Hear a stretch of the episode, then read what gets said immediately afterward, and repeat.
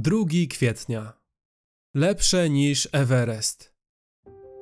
Wiemy, że Bóg współdziała we wszystkim ku dobremu z tymi, którzy Boga miłują, to jest z tymi, którzy według postanowienia Jego są powołani.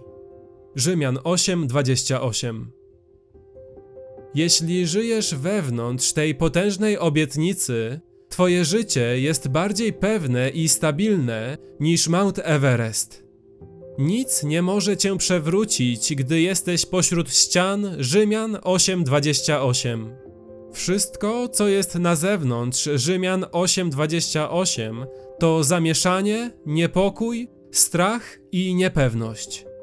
Poza granicami tej obietnicy Bożej, wszechobejmującej przyszłej łaski, znajdują się słomiane domy narkotyków, pornografii i dziesiątki innych bezowocnych atrakcji. Są tam ściany z gipsu, blaszane dachy kruchych strategii inwestycyjnych, ulotnej polisy ubezpieczeniowej i marnych planów emerytalnych. Są tam tekturowe zabezpieczenia zamków ryglowych, systemów alarmowych i pocisków antyrakietowych. Na zewnątrz są tysiące zamienników Rzymian 8:28. Kiedy tylko wejdziesz przez drzwi miłości do ogromnej, niezachwianej konstrukcji Rzymian 8:28, wszystko się zmienia.